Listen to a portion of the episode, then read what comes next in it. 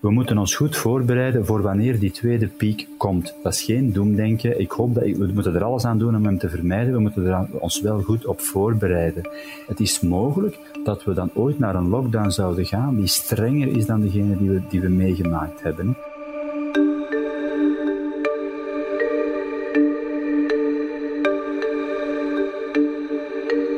Dit is Vragen over het coronavirus, een podcast van de morgen. Mijn naam is Dries Vermeulen. Samen met getuigen en experts gaan we op zoek naar antwoorden op de vragen die u zich stelt over de coronacrisis. In deze aflevering hebben we het over de volgende stap in de exit-strategie. Hoe zit dat precies met die vier bezoekers? Wat zijn de risico's van de versoepelingen? En moeten we straks een nieuwe piek verwachten in de curve?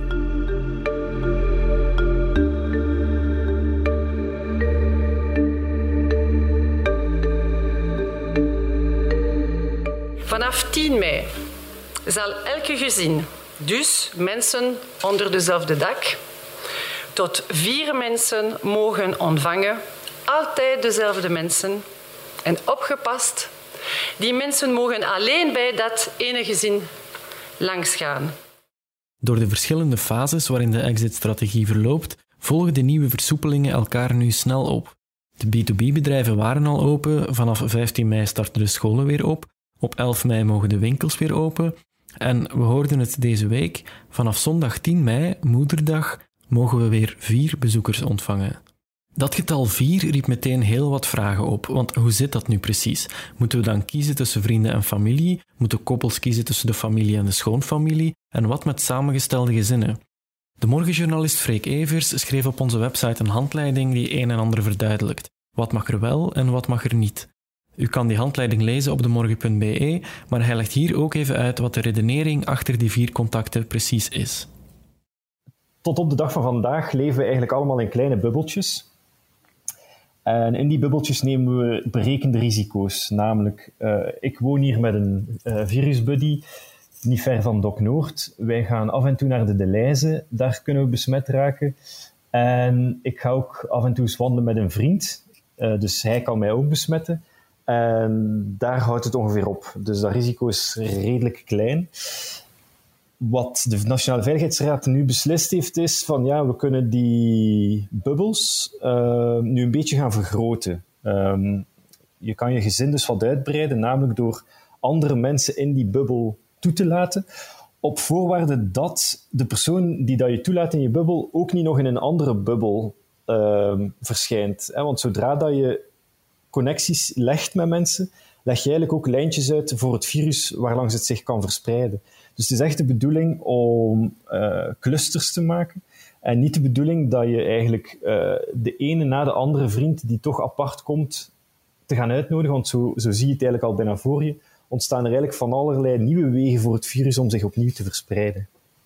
Ja, die versoepeling die lijkt bijna symbolisch in te gaan vanaf moederdag. Wil dat zeggen dat we nu allemaal weer naar de familie op bezoek kunnen?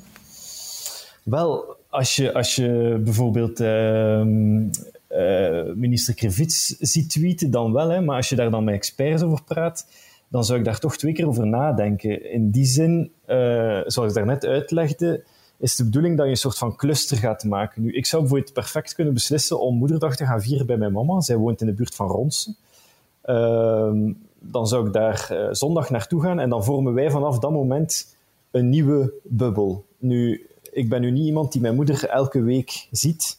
Dat is eigenlijk verspilling van het, uh, van het vergroten van mijn sociaal contact.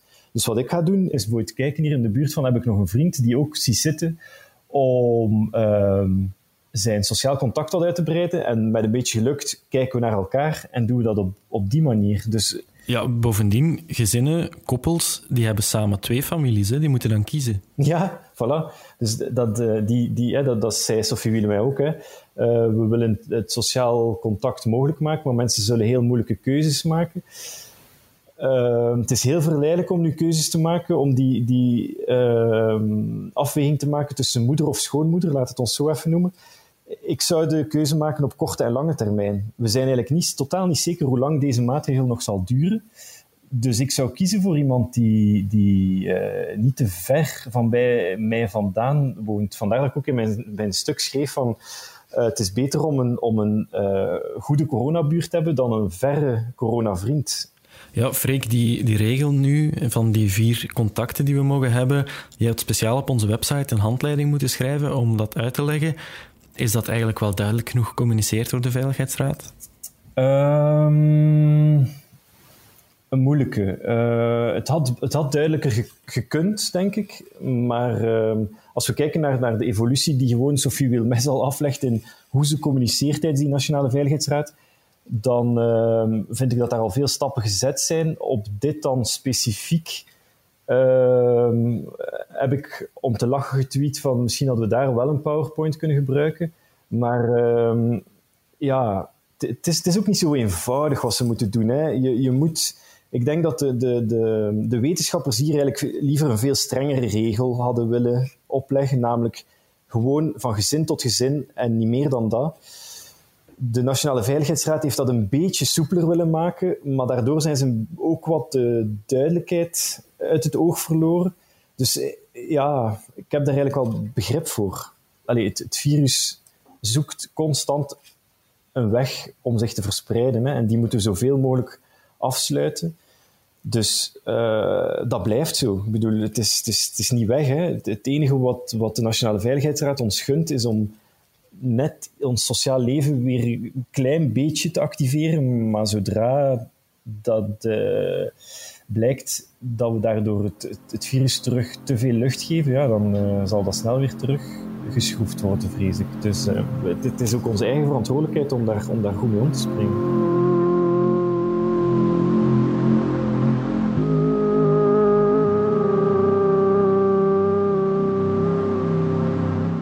De Veiligheidsraad komt met deze maatregel inderdaad tegemoet aan de kritiek dat naast de economie ook ons sociaal leven stilaan nood heeft aan wat zuurstof.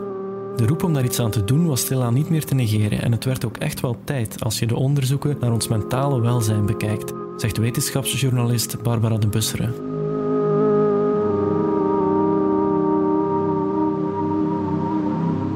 Ja, dat denk ik wel. Je ziet in de onderzoeken dat de eh, de, gemoedstoestand, de psychische gezondheid van, van ons allemaal echt wel uh, aan het, aan het uh, afbrokkelen is. In het begin viel dat precies wel mee. Maar bijvoorbeeld de verbondenheid, de sociale verbondenheid die we met anderen voelen, is de laatste twee weken uh, flink afgenomen. Dat is wat mensen rapporteren. Dat is natuurlijk niet zwart-wit. Eh, er is ook meer angst, er uh, zijn meer depressieve gevoelens opgetekend door verschillende onderzoekers. Um, en dan kun je dus inderdaad stellen van ja, we moeten maken dat um, er zo weinig mogelijk mensen sterven aan dat virus. Maar het risico aan schade op psychisch vlak is toch ook wel een, een risico, een gezondheidsrisico.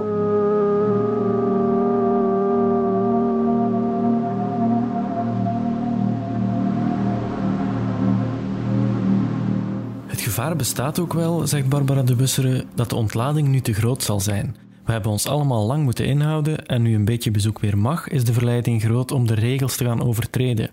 Experts houden dan ook hun hart vast, want we zijn nog lang niet van het coronavirus verlost. Er zijn nog altijd veel mensen die besmet raken, dat zakt wel gelukkig, maar goed. Eh, en dat zeggen de, de, de, onderzoek, de wetenschappers ook zelf. Het is met een bang hartje dat ze het doen. Maar tegelijk is het waar dat het nu um, beter gaat dan, dan de laatste weken. Dat er ergens een beetje marge is gekomen om eens iets te gaan proberen versoepelen. En dat de nood uh, van mensen op psychisch en sociaal vlak zeer zwaar is aan het worden. En je kunt gewoon niet anders dan daar proberen een compromis in te vinden. Je moet constant schipperen tussen uh, uh, economie, ziektebestrijding en, en sociale noden. Um, ze doen dit nu. Ik weet dat, ik hoor dat de experten zeggen dat is met een bang hart, maar we gaan het nu toch doen, want blijkbaar is het niet meer uh, houdbaar. Bovendien is ook de kritiek gekomen van ja, waarom zou je je eigen moeder niet mogen bezoeken als je wel al naar de winkel mag? Het was dus eigenlijk bijna onhoudbaar voor de Veiligheidsraad om die sociale regels niet een beetje te versoepelen. Maar bijna onvermijdelijk zullen sommige versoepelingen die nu worden doorgevoerd op een later moment weer moeten worden ingetrokken.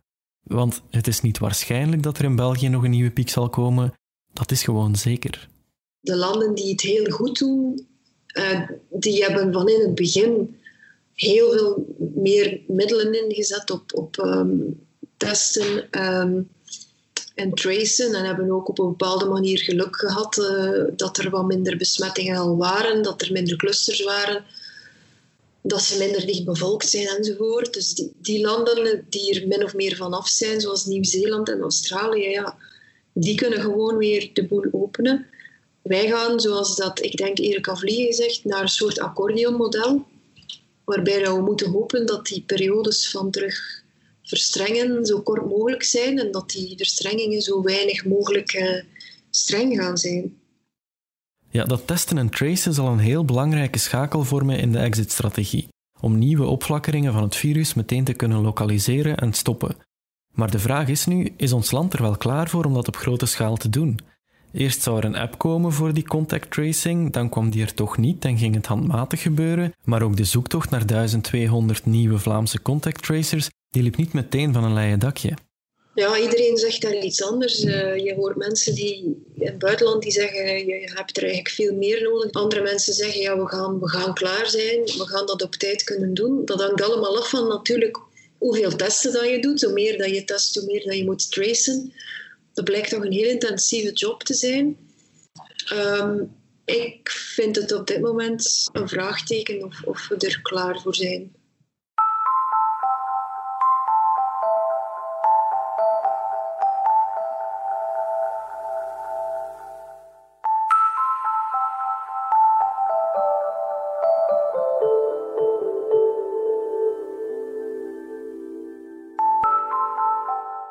Van de wetenschap waar u misschien nog nooit van hebt wakker gelegen, maar die heel belangrijk is bij de beslissingen van de Veiligheidsraad, dat is de biostatistiek.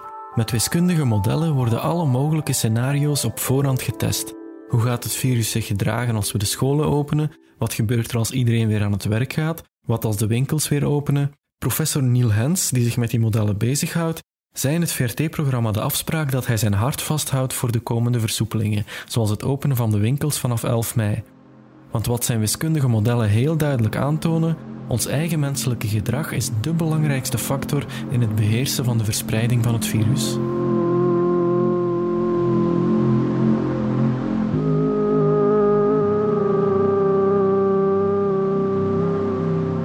Ik hou mijn hart vast.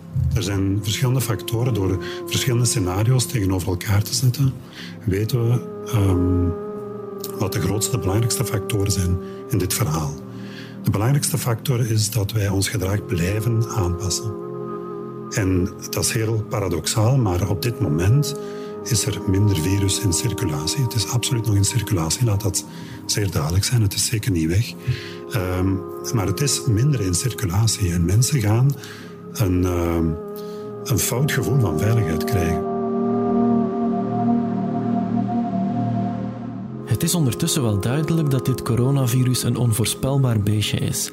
Maar als iemand een nieuwe piekende curve zal kunnen zien aankomen, dan zullen het de wiskundige knobbels zijn die elke dag naar die modellen zitten te kijken. Niks is zeker, maar met die modellen zijn de gevolgen van elke strategie redelijk goed te voorspellen, zegt professor biostatistiek Geert Molenbergs. Net zoals het weer over vier, vijf weken niet perfect te voorspellen is. We kunnen ons daar iets bij voorstellen. Het gaat niet min 20 zijn, uh, denk ik. Maar voor de rest zitten we daar toch met onzekerheden. Dus met die onzekerheden in acht genomen en ook met een goede, maar niet perfecte kennis van uh, de realiteit, lukt het toch behoorlijk om van bepaalde strategieën uh, uit te rekenen van nee, dit kan echt niet.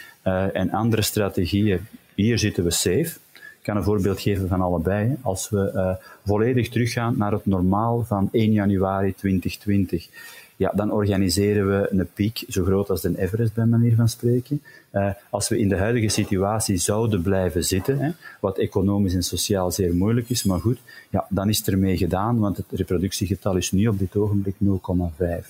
Uh, Maar alles wat daartussenin zit, en hoe dichter dat je dus bij die, die moeilijke grens van 1 begint te komen, reproductiegetal van 1, ja, daar kunnen kleine wijzigingen grote gevolgen hebben. Hè. Voor een goed begrip, kan u nog eens uitleggen wat dat reproductiegetal precies is? Ja, het reproductiegetal, uh, er zijn eigenlijk twee belangrijke concepten die uh, circuleren. Hè. Uh, in maart spraken we over, eind februari al voor, voor China, van het basisreproductiegetal. Dat is hoeveel nieuwe besmettingen dat een besmette persoon, in dit geval, veroorzaakt, gemiddeld. Dus het basisreproductiegetal van corona, van, van dus SARS-CoV-2, wordt geschat op 2,5. Dat wil zeggen, elke uh, besmette persoon gaat er gemiddeld 2,5, dus ergens tussen de 2 en de 3, besmetten. En zo gaat het voort als een lopend vuurtje. Uh, in de loop van de tijd, door onze maatregelen, gelukkig maar, hè, dat is wel de bedoeling, is het afgezwakt. En nu op dit ogenblik zitten we in de buurt van uh, eh, 0,5. Dat rekent ook gemakkelijk, want als we nu voor de eenvoud 1024 mensen nemen die besmet zijn, je gaat dadelijk zien van waar het getal komt, die gaan dan gemiddeld 512 mensen besmetten, die op hun beurt 256, uh, 128, 64, 32 enzovoort, tot het er uiteindelijk 2 zijn en dan 1, 0 en dan stopt het. Uh, dus op het moment dat, dat als het op 1 zit, dan gaan 100 mensen 100 mensen besmetten en op hun beurt weer 100. De epidemie stopt niet, de epidemie versnelt niet, maar die blijft in een soort van steady state hangen. Dat willen we ook niet. Hoe kleiner dat reproductiegetal, hoe rapper dat ermee gedaan is. Ja, uw collega, professor Neil Hens, die zegt: Ik hou mijn hart vast voor 11 mei. Doet u dat ook? Zeker. Ik hou ook mijn hart vast voor 11 mei inderdaad, wanneer de winkels open gaan. Want we hebben gezien, waarop is dat gebaseerd? Uh, op verschillende dingen. Ten eerste het doorrekenen van de strategieën. Dat is één uh, aspect van het verhaal. Statistici gebruiken modellen, maar we kijken ook wel een keer wat er gebeurt in het veld. Uh, als we een beetje verder kijken dan België, dan zien we bijvoorbeeld dat Japan met versoepelingen een verhoging van het reproductiegetal gezien heeft en een tweede piek doormaakt. Uh, Singapore, Taiwan, hetzelfde verhaal. Uh, van Duitsland, een land waarvan we van in het begin toch weten en zien dat het de epidemie behoorlijk goed onder controle heeft. En we verschieten daar niet van in Duitsland natuurlijk. De maatregelen zijn versoepeld. Hun, op dat ogenblik, reproductiegetal van 0,7, 0,8 zit terug rond de 1. En dan zit je natuurlijk bij de gevaarlijke grens dat het weer terug gaat versnellen en dat je een stapje terug achteruit moet gaan. Uh, als we te veel maatregelen te snel op elkaar nemen, en ik denk dat daar nogal wat mensen voor vrezen. Hè. Uh, ik denk ook leden van de G, zoals uh, Neil Hens, maar ook andere mensen die naar de getallen kijken en naar de evidentie uit het buitenland. We houden daar ons hart voor vast. We hebben daar inderdaad eigenlijk wel een beetje schrik voor. Zullen we met die wiskundige modellen een nieuwe piek kunnen zien aankomen? Ja, daar zijn twee mogelijkheden voor, ja of nee. Uh, wat kunnen we doen om het niet te zien? Dat is onze contact tracing bijvoorbeeld niet goed organiseren of niet organiseren. Dat is een rampscenario natuurlijk. Uh, niks zegt dat dan de zaak plots in ons voordeel zou verlopen waar het in februari en in maart niet gebeurd is. Hè. Toen hebben we het eigenlijk ook niet kunnen zien. Uh, we zijn er allemaal een beetje door verrast. En ik bedoel niet wij als België tegen de rest van de wereld, de hele wereld. Hè. Uh, nu goed, op het ogenblik dat de zaak wat onder controle is en je heel goed aan contact tracing kunt doen, uh, kunt doen ja, dan kun je de, het opflakkering lokaal in de kiem smoren. Je kunt het vergelijken met een heidebrand die geblust is, die nog terug kan opflakkeren en geplaatst in de heide brandweerposten. Mensen die daar staan en die alles goed in toog houden. En waar het nodig is, begint het terug te blussen. Uh, daarom moet je heel die heide niet terug beginnen nasproeien, maar waar het, waar het nodig is, daar moet je wel ingrijpen. Dat gaan onze contact tracers uh, moeten doen. En dan hebben we een kans als we maar voorzichtig zijn eh, met de maatregelen en ze niet te creatief gaan interpreteren. Hè, want hoe slechter ze opgevolgd worden, hoe groter uh, de kans dat er iets uh, misloopt. Want we hebben nu eigenlijk wel een aantal dingen die we loslaten. Hè. Er zijn een aantal bedrijven terug aan het werk, winkels gaan terug open. We hebben het uh, fameuze, of het beruchte ondertussen, sociale contactmoment met, met de vier personen. En we mogen niet vergeten, de scholen zitten er ook nog eens aan te komen. Dus alles samen hebben we onze, naar mijn inschatting, onze speelruimte die we krijgen van het virus nu, toch wel behoorlijk ingevuld. We gaan voorzichtig moeten zijn. Als we eerlijk zijn, hadden de experten die speelruimte eigenlijk niet liever wat kleiner gezien? Heeft de Veiligheidsraad ons nu meer vrijheid gegeven dan er eigenlijk was geadviseerd? Ja, voor alle duidelijkheid, ik weet als niet-lid van het expertcomité uh, niet wat er in het rapport staat, maar ik hoor en dat zeggen. Hè. Uh, klopt inderdaad. Ik denk dat daar een, een, een veel grotere uh, voorzichtigheid gesuggereerd was. Natuurlijk, heel duidelijk, in een democratie is het zo dat experten aanbevelingen doen en de in onze democratie hier in België de politieke verantwoordelijke beslissen. Zo is het georganiseerd en zo moet het hier ook gebeuren. Dus geen probleem daarmee.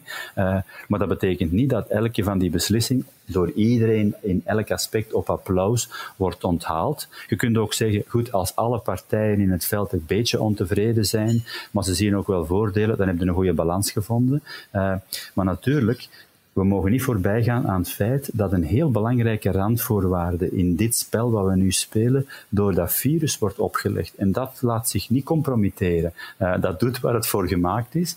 Uh, dus inderdaad, die speelruimte is beperkt en daarom is de invulling, ik denk voor heel wat experts, binnen of buiten de comité's, toch wel vrij ruim gebeurd. En ik denk dat velen van ons het eigenlijk wat anders zouden invullen.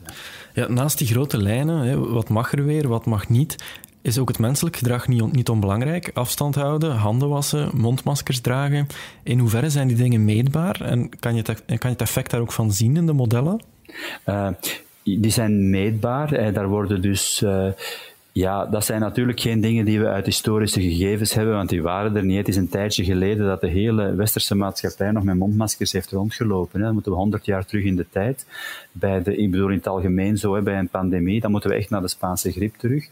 Uh, maar ja, de verschillende enquêtes die gebeuren, de survey van de Universiteit uh, Antwerpen en Hasselt, maar ook de survey van Cienzano en zo, uh, dat zijn ideale instrumenten om te kijken hoe de maatregelen nu opgevolgd worden. Hè. Dus er zijn allerlei tools, bijvoorbeeld ook huisartsenpraktijken die, die registreren gegevens, die zitten ook aan de bron eh, echt aan het begin, niet helemaal aan het begin, maar toch heel dicht tegen het begin om te zien wat er uh, nu gebeurt en of het de verkeerde kant op gaat.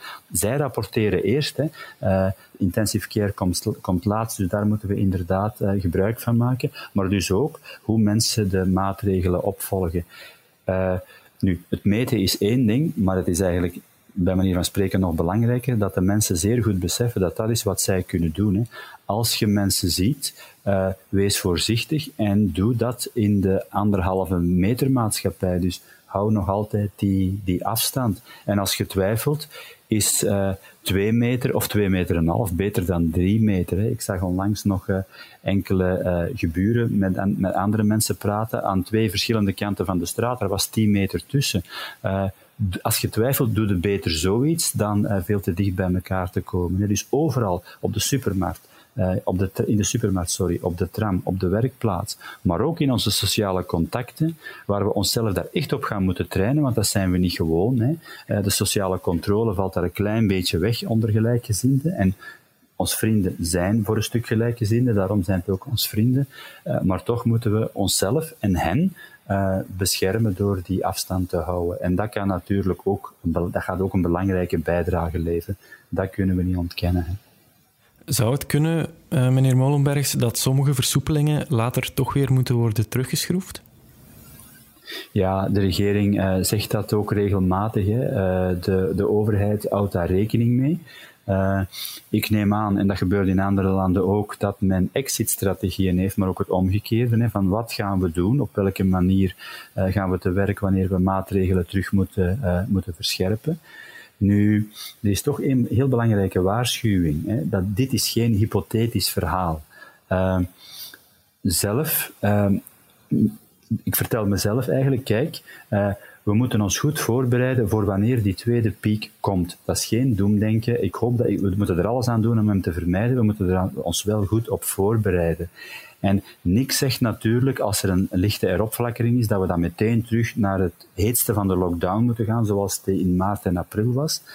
Uh, maar als het echt de verkeerde kant zou opgaan en uh, een lichte verstrenging werkt niet, ja, dan is uiteindelijk, en dat hebben verschillende collega's ook al gezegd, ik heb het Pierre van Damme denk ik ook al horen zeggen, het is mogelijk dat we dan ooit naar een lockdown zouden gaan die strenger is dan degene die we, die we meegemaakt hebben. Dat is geen waarschuwing, het klinkt een beetje zo, dat is geen waarschuwing, dat is niet het belerende vingertje.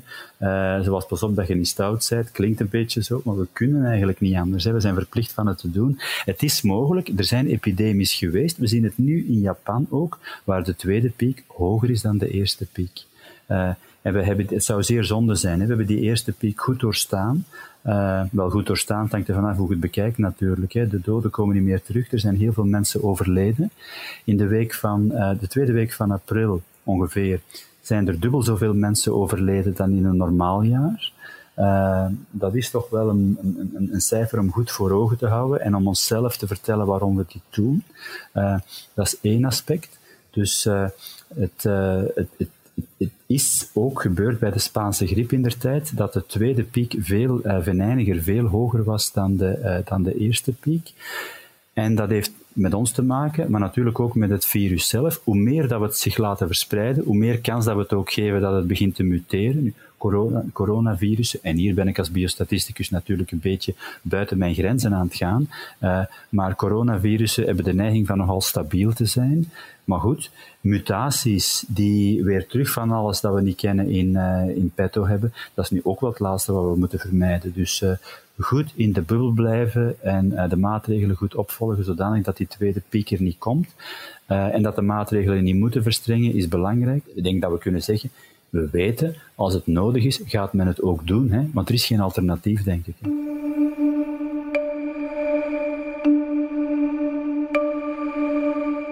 Ja, de kans dat er nog een nieuwe piek komt is behoorlijk groot, zegt Geert Molenbergs. En dus gedragen we ons maar beter alsof die piek overal om de hoek loert. Want ons eigen gedrag bepaalt alles. De regels een beetje te veel loslaten en het virus vindt opnieuw razendsnel zijn weg. Dit virus is vreselijk besmettelijk. Het loopt als een lopend vuurtje. Dat hebben we gezien in heel de wereld. Dus uh, de kans is inderdaad behoorlijk groot dat er een tweede piek komt. Behalve wanneer je echt datgene doet waarmee je het verschil kunt maken, dat is de contact tracing. Uh, die kan echt een verschil maken, dus zeer goed opvolgen, uh, daar allemaal aan meewerken. Het is niet de bedoeling van die contact tracing om te diep in mensen in privéleven te duiken of om dingen op te sporen die illegaal zijn of zo. Je wilt de contacten weten zodanig dat je mensen kunt isoleren voor een tijdje en je niet de hele maatschappij moet isoleren. Zodanig dat we een zo normaal mogelijk anderhalve meter maatschappij kunnen organiseren.